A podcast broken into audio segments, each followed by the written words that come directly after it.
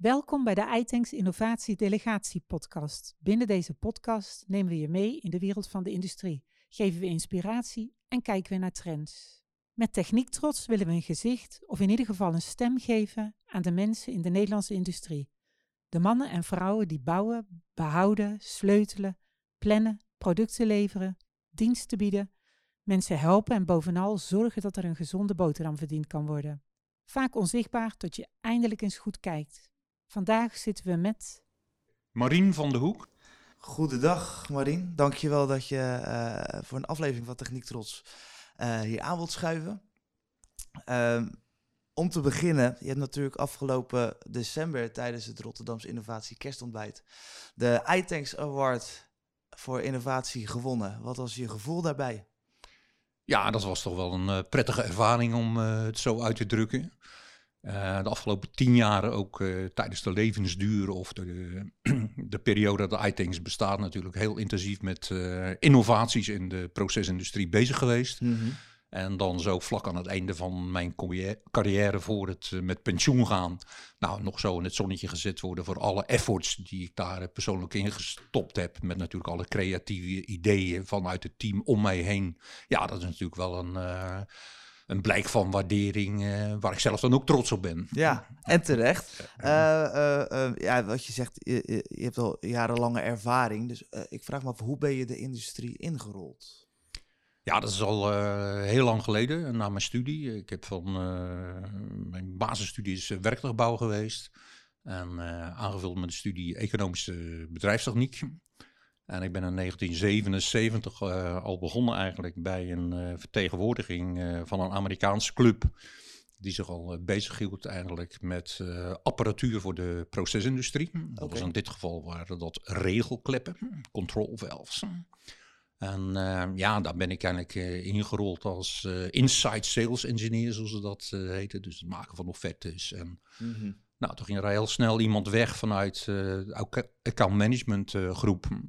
En dan was ik binnen een half jaar uh, was ik al doorgegroeid eigenlijk naar het accountmanagement uh, naar buiten om innovatieve klanten of innovatieve producten aan de klanten te gaan positioneren en verkopen. Dus dat heeft uiteindelijk vanaf dag één heb ik al een beetje in die richting gezeten. Ik zag ook, ik ben natuurlijk even langs je imposante lijst van, van, van functies gegaan.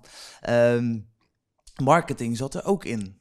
En hoe, hoe heb je dat uh, gecombineerd met je, met je uh, technische kennis? Want je moet natuurlijk in de marketing met wel, dan ook wel kennis van zaken hebben over, over wat je verkoopt of waar je het over hebt. Over dat is absolute voorwaarde natuurlijk als je actief wil zijn, uh, nou zeg maar in de procesindustrie en uh, de ruimste zin des woords. Ja. Alleen met een folder aankomen en een mooi verhaal kom je er niet. Je moet er werkelijk de diepte in kunnen gaan en het probleem uh, wat zich in zo'n fabriek of plant uh, afspeelt. Dat moet je kunnen herkennen en daarin mee kunnen discussiëren met je klanten. Om daar dan heel specifiek een uh, gerichte technische oplossing in eerste instantie voor neer te leggen. Ja. Dat dat probleem weg is. Nou, en hoe je dat dan commercieel verder aanpakt, is eigenlijk een fase 2. Duidelijk. Je bent ook al vanaf het begin bij iTanks geweest. Yep. Um, wat is voor jou de waarde van netwerk in de industrie? Om innovatie te, te stimuleren? Misschien is dat een, een brede vraag, maar ik ben toch wel benieuwd, omdat je al vanaf het begin bij ons netwerk uh, ja. zit. Mhm. Nou, ik, uh, ik had het geluk, om het zo uh, uit te drukken. Ik was na Emerson, ben ik naar Spie gegaan. Ja. En uh, ik zat daar ook in de divisie verantwoordelijk eigenlijk voor asset management en met name ook uh, het ontwikkelen van allerlei uh, digitale tools en technieken om met name het hele onderhoudsproces in de, in de procesindustrie uh, ja, een nieuwe, nieuw tijdperk in te zetten. Mm -hmm. Dus van traditioneel naar digitaal.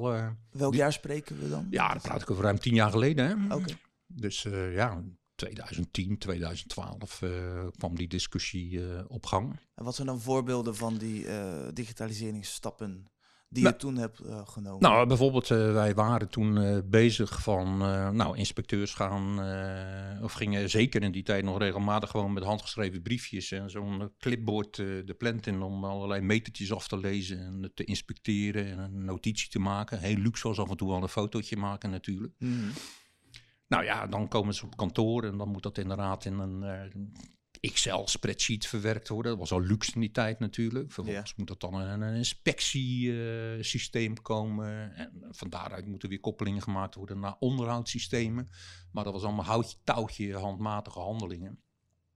En we hebben toen in die tijd bijvoorbeeld al uh, van die held hand tuners, zoals wij dat noemen. Van, Mhm. die grote rekenmachines eigenlijk, waar een eh, inspecteur in plaats van dat hij het opschrijft, gewoon in kon tikt in een digitaal eh, stukje apparatuur. Waarbij die, eh, die slagen van die, ehm, zeg maar dat overdragen van die informatie.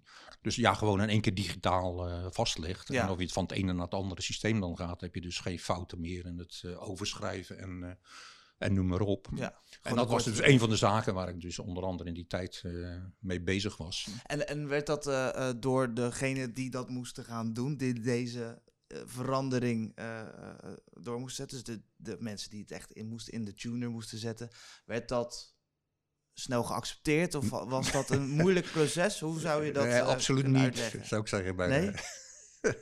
Heel veel weerstand natuurlijk. Want vaak werden dit soort eh, projecten... eh, ja, dan moest je al heel hard voor duwen. Mocht je dan een keer een pilotproject eh, realiseren.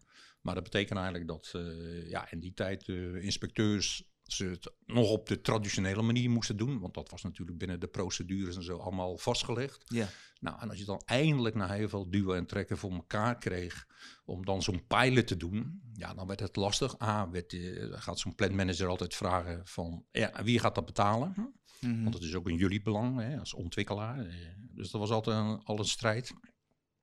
En ten tweede kost extra tijd en geld, want je gaat de dingen twee keer doen eigenlijk. Dus eh, ja, dat was altijd eh, duwen en trekken. En dan hopen eh, dan dat je binnen zo'n organisatie van de klant eigenlijk, nou, wat dan in marketingtermen de evangelist heet, die Ja. gelooft in nieuwe dingen. Ja. En dus intern voldoende druk en push kan geven om zo'n pilot van de grond te komen. Eh, in, in de breedste zin eh, des woords, eh, om zeg maar innovatie te kunnen implementeren, dan moet management commitment zijn. Vaak gebeurt en start dit eigenlijk met zo'n evangelist die ergens in een maintenance of een inspectieafdeling, die gelooft daarin. Vaak ook nog jonge kerels die zeggen van... Joh, ik moet die carrière maken en wat ze 30 jaar traditioneel hebben gedaan. Ik ga naar het nieuwe tijdperk. En dan zie je dus eh, gedrevenheid, maar vaak zijn dat natuurlijk individuele personen, heb je natuurlijk nodig. Maar ja, daar kun je inderdaad zo'n pilot mee gaan doen. Maar als het dan geen bredere draagkracht in die organisatie gecreëerd wordt. Mhm. Nou, en ook mijn ervaring is, ook in mijn voorgaande eh, zeg maar, ervaringen bij, eh, bij SPI en bij Emerson.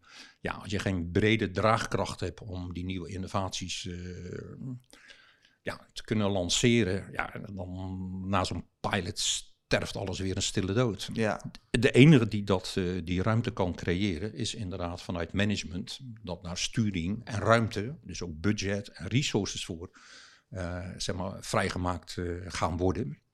Om dit soort processen eh, ja, gestalte te kunnen geven. Juist de mogelijkheid moet gecreëerd worden van bovenaf Ja, om En dat zie je nu al eigenlijk. De laatste jaren heb je met name bij de grotere jongens eh, gezien natuurlijk dat een eh, hoop vanuit corporate organisaties, eh, dus echt binnen die corporate organisaties een, een groep gecreëerd wordt wat dan heel vaak Innovation 4.0 heet. Ja, Waar vanuit zeg maar, de corporate of uit de directie eigenlijk ruimte gecreëerd wordt. Ook met budget en geld. Om inderdaad eh, proactief deze nieuwe innovaties eh, in de markt te zetten. Maar goed, dat zijn processen die zijn pas de laatste, denk ik, eh, drie tot vijf jaar echt nu in ontwikkeling. Maar ja, in die tijd met dat pionieren, tien jaar geleden, was er natuurlijk helemaal geen sprake van. Ja? Dan moest dat allemaal nog gaan groeien. je bent op een gegeven moment de drones, de wereld van de drones ingevlogen. Ja, Hoe is dat zo ge- ge- gegaan? Ja, dat is op zich. eh, nou, ik eh, werkte in die tijd eh, bij Spier. Ik was al bezig om een hoop van die digitale ja, zeg maar, oplossingen te ontwikkelen. Nou, in die tijd werkte Spier al vanuit engineering heel veel met het vastleggen van. Met name bestaande plans waar modificaties op moesten plaatsvinden. om alles in 3D in beeld te brengen Mhm. omdat vaak van die oudere fabrieken, er bestaan geen tekeningen meer van, of de tekeningen waren niet up-to-date. Nou, als je dan een modificatie in zo'n plant gaat doen en je pakt een, eh, een tekening uit de kast van 30 jaar geleden, waarvan je niet weet of dat nog actueel is, en je gaat van daaruit de modificatie engineeren. Ja, dan heb je goed kans als je dat, wat je ook nieuw geëngineerd hebt en je gaat het in de praktijk brengen aan de hand van oude tekeningen, dat het niet meer past. Nee, dat niet klopt, nee. Ja. Dus was, was toen inderdaad eigenlijk, en daar was Pi al heel ver in, om alles in 3D in, eh, in beeld te brengen. Mhm. Om van daaruit eigenlijk, hè, vanuit de bestaande werkelijkheid, vanuit die digitale vastleggingen en die 3D-modellen, van daaruit de engineering eh, te starten. En eigenlijk toen ik bij SPI aan boord kwam, eh, was mijn charter. Oké, we gebruiken die technologie nu al zeg maar, in de engineering ehm, eh, hoek. En hoe kun je inderdaad dit soort digitale technieken, ook gebruikmakend, en eigenlijk eh, ja, een, een soort brug bouwen, dat je diezelfde technologie ook in het maintenanceproces kan gaan toepassen. Dus dat was op 30.000 voet eigenlijk mijn charter eh, bij SPI. Mhm. Dus daar ben ik toen begonnen inderdaad met dat hele digitaliseren. Onder andere die handhelds voor die, in, eh, ehm, voor die inspecteur, inspecteurs. Ehm, deed ook inderdaad al eh, heel veel ook aan, aan 3D-visualisatie in het kader om digitale werkvoorbereiding te doen. Kijk, als er zo'n stop aankomt en je hebt je hele plan van tevoren al in 3D en dan moet de pomp in en uitgewisseld worden, dan kun je in dat 3D-model kun je al simuleren met de nieuwe afmetingen van de pomp of die onder een pijpenbrug bijvoorbeeld eh, doorgaan. Maar goed, dan loop je door zo'n plant heen en eh, nou, dan zie je die, eh, die destillatiekolommen van 65 meter hoog en zo. En met een standaard 3D-camera die toen ter beschikking waren. Ja. Ja, dan kon je natuurlijk niet in detailniveau Nee. kon je dat allemaal gaan vastleggen. Toen heb ik eigenlijk letterlijk, eh, s s'nachts werd ik wakker en toen kreeg ik ineens een ingeving. Het was net in de tijd dat eh, die drones een beetje hype werden. Iedereen had het over drones. En die, die bedrijfjes die kwamen allemaal als paddenstoelen. Iedereen ging drone vliegen. Mhm. Toen denk ik, nou, als je nou kan realiseren dat je met, hè, puur even als visie, met zo'n drone, diezelfde technologie, met het vastleggen van de, de 3D-visualisatie. En je kan inderdaad met zo'n drone eh, tot 60 meter hoog gaan vliegen en daar in detail ook dat helemaal vastleggen van, dus ook inderdaad, eh, zeg maar, de erosie en, en noem maar op. Van, eh, dus echt de huidige status van zo'n destillatiekolom of van zo'n flare.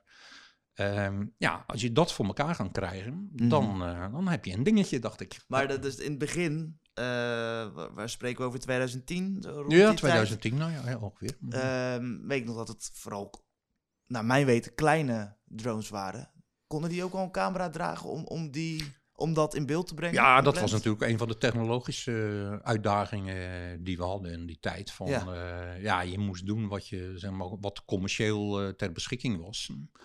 Nou, en dan kwam je natuurlijk al automatisch in dat hele gedoe met eh, procesindustrie, eh, explosieveiligheid, ATEX-omgeving, eh, eh, wetgeving niet te vergeten, Mhm, van mhm. hoe je daar, heel complex van factoren. Dus ik heb daar toen een heel intensieve, kon, van, een heel businessplan gemaakt binnen mijn huidige verantwoordelijkheid toen binnen SPI. En nou, heel die visie uitgewerkt van wat ik dacht hm, van wat, eh, zeg maar, met name het maintenance en voornamelijk het inspectie eh, gebeuren in de toekomst eh, zou gaan brengen. Mhm. Gebaseerd op digitalisering, gebruik van robotica, en met name drones in het bijzonder.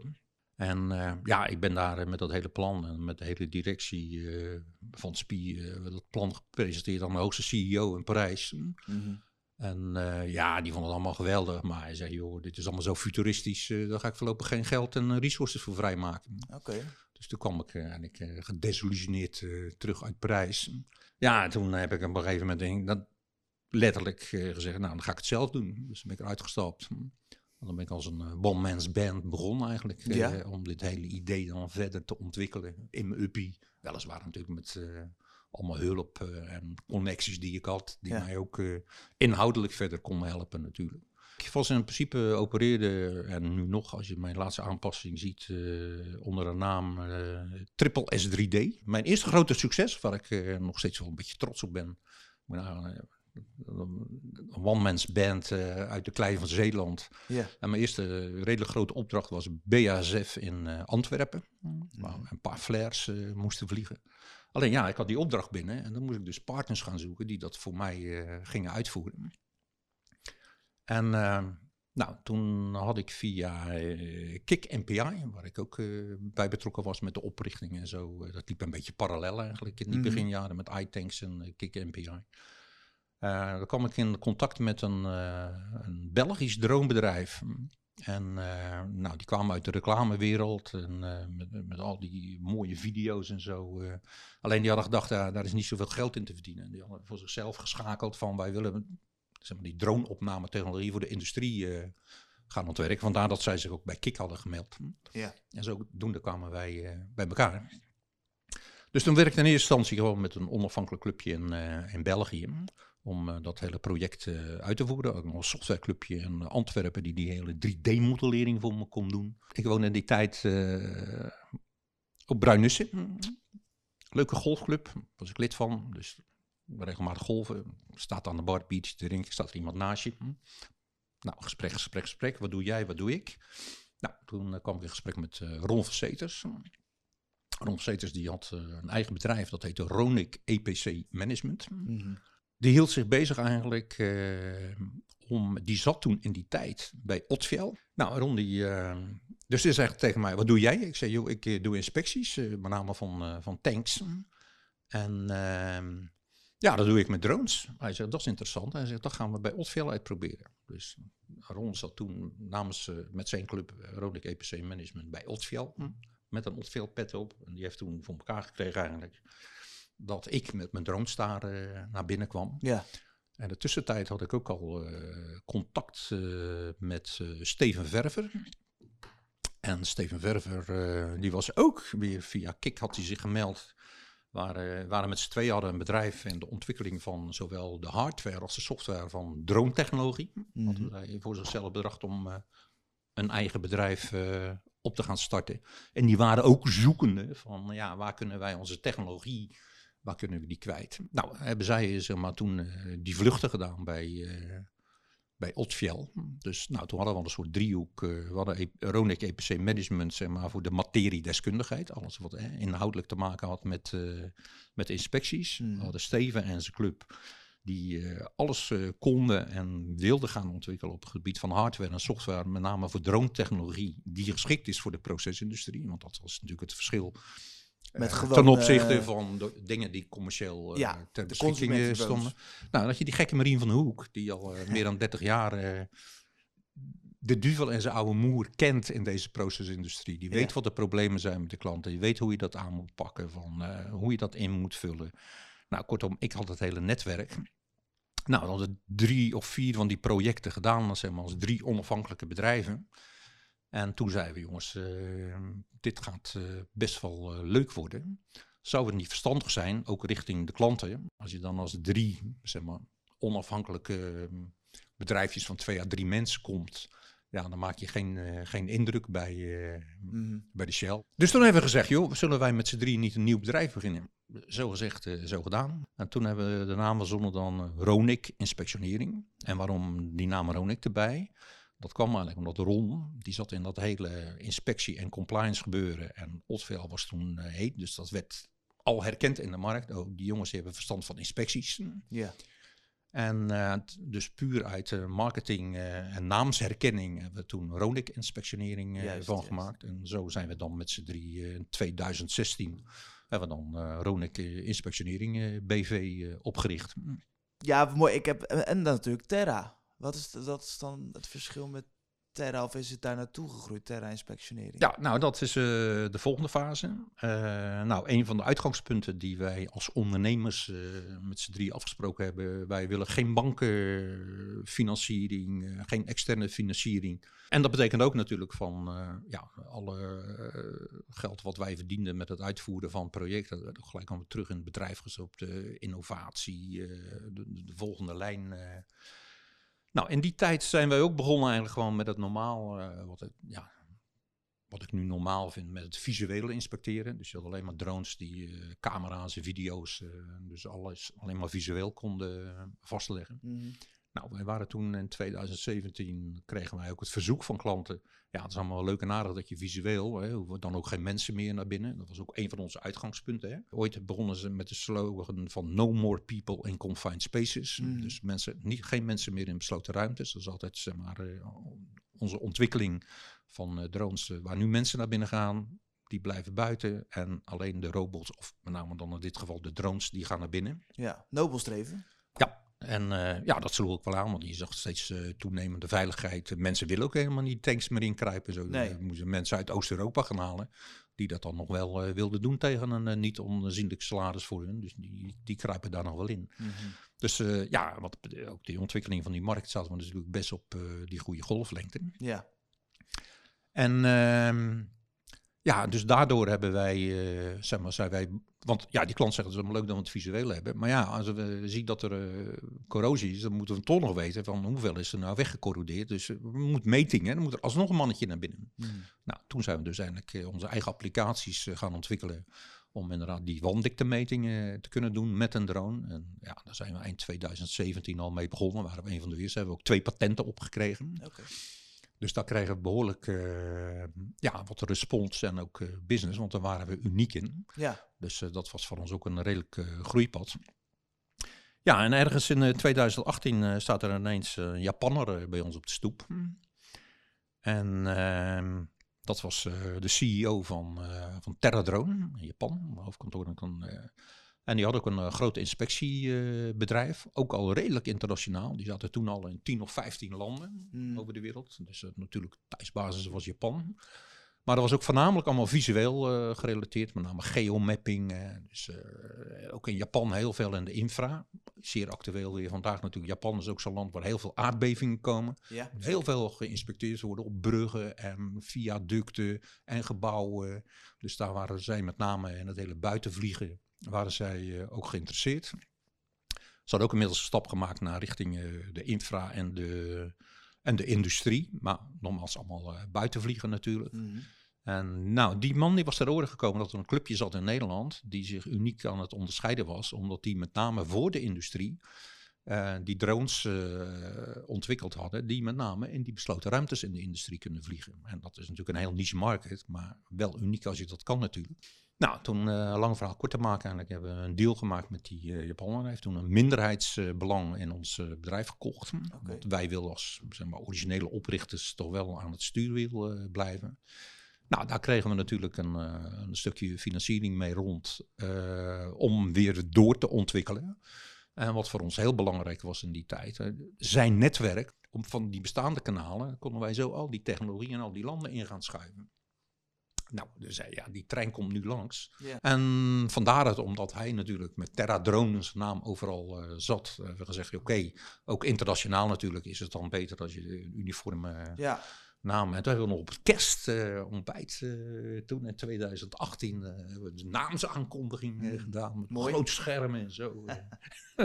en vanaf die tijd heten we Terra Inspectionering. Terra Inspectionering. Ja. Hoe, hoe zie je, Marien, hoe zie je de toekomst van de, van de drone-inspecties voor je? Wat, wat, wat is nog echt een stap die je wil dat deze branche, deze sector moet maken? Ja, nou als het op uh, korte termijn gaat natuurlijk, uh, nou wij waren als eerste natuurlijk die uh, al heel ver zijn met het meten. Dus met name wanddiktemetingen.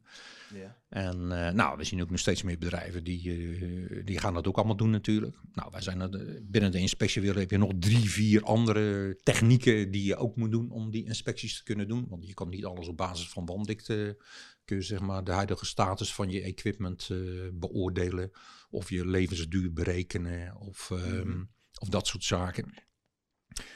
Dus uh, ja, daar, zijn we nu ook mee bezig. Om uh, naast uh, de wanddiktemeting, de UT-meting, zoals dat dan officieel heet, eh, ook te kijken naar liquid penetrant en wat andere technieken. En een van de problemen is daar dat die huidige meettechnieken eigenlijk, ja, dat is apparatuur die redelijk zwaar is, dus moeilijk te combineren is met de drone. Dus dan moet je aan twee kanten werken, de, zeg maar, uh, dat zo'n drone uh, meer gewicht kan dragen. En aan de andere kant kijken, joh, kun je diezelfde technologie ook weer kleiner maken, zodat je daar een nieuwe eenheid uh, van kan gaan maken. Mm -hmm. Dus dat zijn ontwikkelingen waar we zelf ook nog uh, druk mee bezig zijn om daar de volgende stap in te maken. Nou, als het gaat uiteindelijk van, joh, waar zijn we over tien jaar plus? Yeah. Ja, en dan zie je toch in elk geval de behoefte die er is. Hè. We zijn al begonnen met uh, non-entry op basis van uh, yeah, no more people in confined spaces. Yeah. Um, op dit moment is het zo natuurlijk uh, dat we op basis van non-entry, dus al die inspecties en misschien de komende jaren nog veel meer meettechnieken kunnen doen. Maar ja, als er uh, blijkt van, joh, dat er ergens een scheur in zit en die moet uitgeslepen worden en dichtgelast moet worden, moet er alsnog een mannetje naar binnen. Ja. Maar dat je dat ook door middel van robots kan doen. Nee, En ja, kijk maar eens even. Er is geen auto op deze wereld die eh, nog door mensen geproduceerd wordt. Het is allemaal eh, robotica als je naar een autofabrikant gaat. Nou, waarom zou je dan met robotica ook niet in een tank ergens wat weg kunnen slijpen en daar een nieuwe las in leggen Ja. met een robot? Hè? Ja. Om het even te versimplificeren. Nee, tuurlijk, tuurlijk. Ja. Dus Nee, dat, is mijn langere termijnvisie eh, daarop. En je bent nu met pensioen. Ja, ja, ja. ja. Hoe voelt dat? Ja, dit is even wennen hoor. Moet ik Ja? zeggen van. eh, ja, ja, het laat je natuurlijk eh, niet helemaal los. Kijk, in principe 2012 eh, eigen. ja, het is mijn baby om het zo, Ja. zo uit te drukken. En ja, dat laat je niet zomaar los natuurlijk. Ja, je blijft er wel bij betrokken natuurlijk. Ik ben wel al op tijd begonnen eigenlijk om voor opvolgers te gaan zorgen. Dus ik heb nou twee van die jonge honden. En ja, die bellen me dan nog wel eens regelmatig van Marino zit het aan en hoe zouden we dit en dat doen. Maar, Maar dat vind je niet erg, denk ik. Maar Dat- dat eh, vind ik dan toch wel leuk. Maar de techniek, het hart van de zaak, dat blijft in je, in je bloed zitten, denk ik. In je DNA. Ja, nou niet, ja, niet zozeer de techniek eigenlijk, maar wel. eh, ja, het bedrijf moet wel vooruit natuurlijk. Ja. Dus eh, we zijn nu bezig ook met eh, Japan om dat weer verder eh, internationaal eh, uit te rollen. Nu pakken we die stappen weer op om het ook eh, helemaal te gaan Ja. globaliseren. Maar mooi dat het zo'n ontwikkeling... eh, eh, Ja, en we hebben nu de zaak eh, net opgestart in Singapore, vorig jaar nog. Ik heb de zaak nog opgestart in Duitsland. Zit ook nog even naar eh, de volgende, zou Houston zijn. mooi om naar uit te kijken. Dus, maar dat zijn allemaal activiteiten waar we eh, druk eh, mee bezig zijn natuurlijk. En met name die internationale ontwikkeling, ja, dat vind ik wel even leuk om dan eh, een paar weken naartoe te gaan en de zaken daar op poten te zetten. De men, want we Je gaan het allemaal niet zelf doen, je moet daar de club zoeken. Ja, en je baby groeit op en die gaat studeren in het buitenland. Zo kun je het een beetje Ja, zien. dat is zeker. Dus eh, ik heb al gezegd, joh, ga lekker naar Houston. Ja. En ik neem mijn vrouw mee. En als ik daar klaar ben, dan gaan we lekker uh, een camper daar. We lekker door Amerika toe. Nee, ja, ja, kijk, dan kun je het met het aangename... Kun je, Ja, je kan groot gelijk heb je. Eh om, om deze aflevering van Techniek Trots af te sluiten. Wat, waar, waar, waar ben je het meest trots op? Nou, het meest eh, trots ben ik op eh, nou, dat je toch inderdaad eh, als een heel klein mini-bedrijfje met een stel enthousiaste kerels eigenlijk toch in staat bent om de grote industrie op deze wereld. Hè. Nou, als je nu onze referentielijst ziet, hebben we 80 van de grootste industriële bedrijven hebben wij als klant. Mhm. Nou, dat je dat inderdaad met zo'n mini-bedrijfje, met eigen eh, technologie en eigen visie die je ontwikkeld hebt. We werken heel veel met die, met die jonge studenten. Eh, die studeren af bij ons en voordat ze afgestudeerd hebben, hebben ze al een, een dienst. Ja, Nou, met die spirit erbij, en wat die jongelui allemaal kunnen en hoe die in die nieuwe digitale wereld zitten. En nogmaals, als je ook die brug kan bouwen om dat ook nog eens een keer succesvol te vermarkten. Ja, dat is maar heel weinig bedrijven gegeven van eh, of ze blijven hangen in het nerd gebeuren van oh, ja, leuke dingetjes ontwikkelen. En dat is fantastisch wat ze doen. Maar ja, als je het niet kan vermarkten, dan, eh dan dan helpt dat niet. Ja, ja, ja. Nou, en dan inderdaad om even terug op het begin te komen, eh, rol van iTanks en zo. Nou, als je de oorspronkelijke ideeën achter iTanks en ook achter Kick MPI ziet, is dat juist het platform waar de grote jongens en die kleine dingen bij elkaar gebracht worden. ja. En eh, nou, als ik zie het aantal pitch-ontbijten wat ik hier heb gegeven en daardoor heel veel podium heb gekregen. Ja, die, die combinatie, eh, ja, dat helpt dan ontzettend mee om eh, als mini-bedrijfje, als een soort Calimero, toch aan boord te komen bij die grote jongens. Ja. Nou, en dat hele proces, ja, dat vind ik super. Ja. Dat dat gewoon gaat gebeuren. Als je in 2012 aan mij had gevraagd, nou geloof jij dat je 80 grootste in de industrie, dat jouw technologie daar gebruikt wordt? Hm? Nee, dat is natuurlijk een soort jongensdroom. Maar het is wel waar geworden.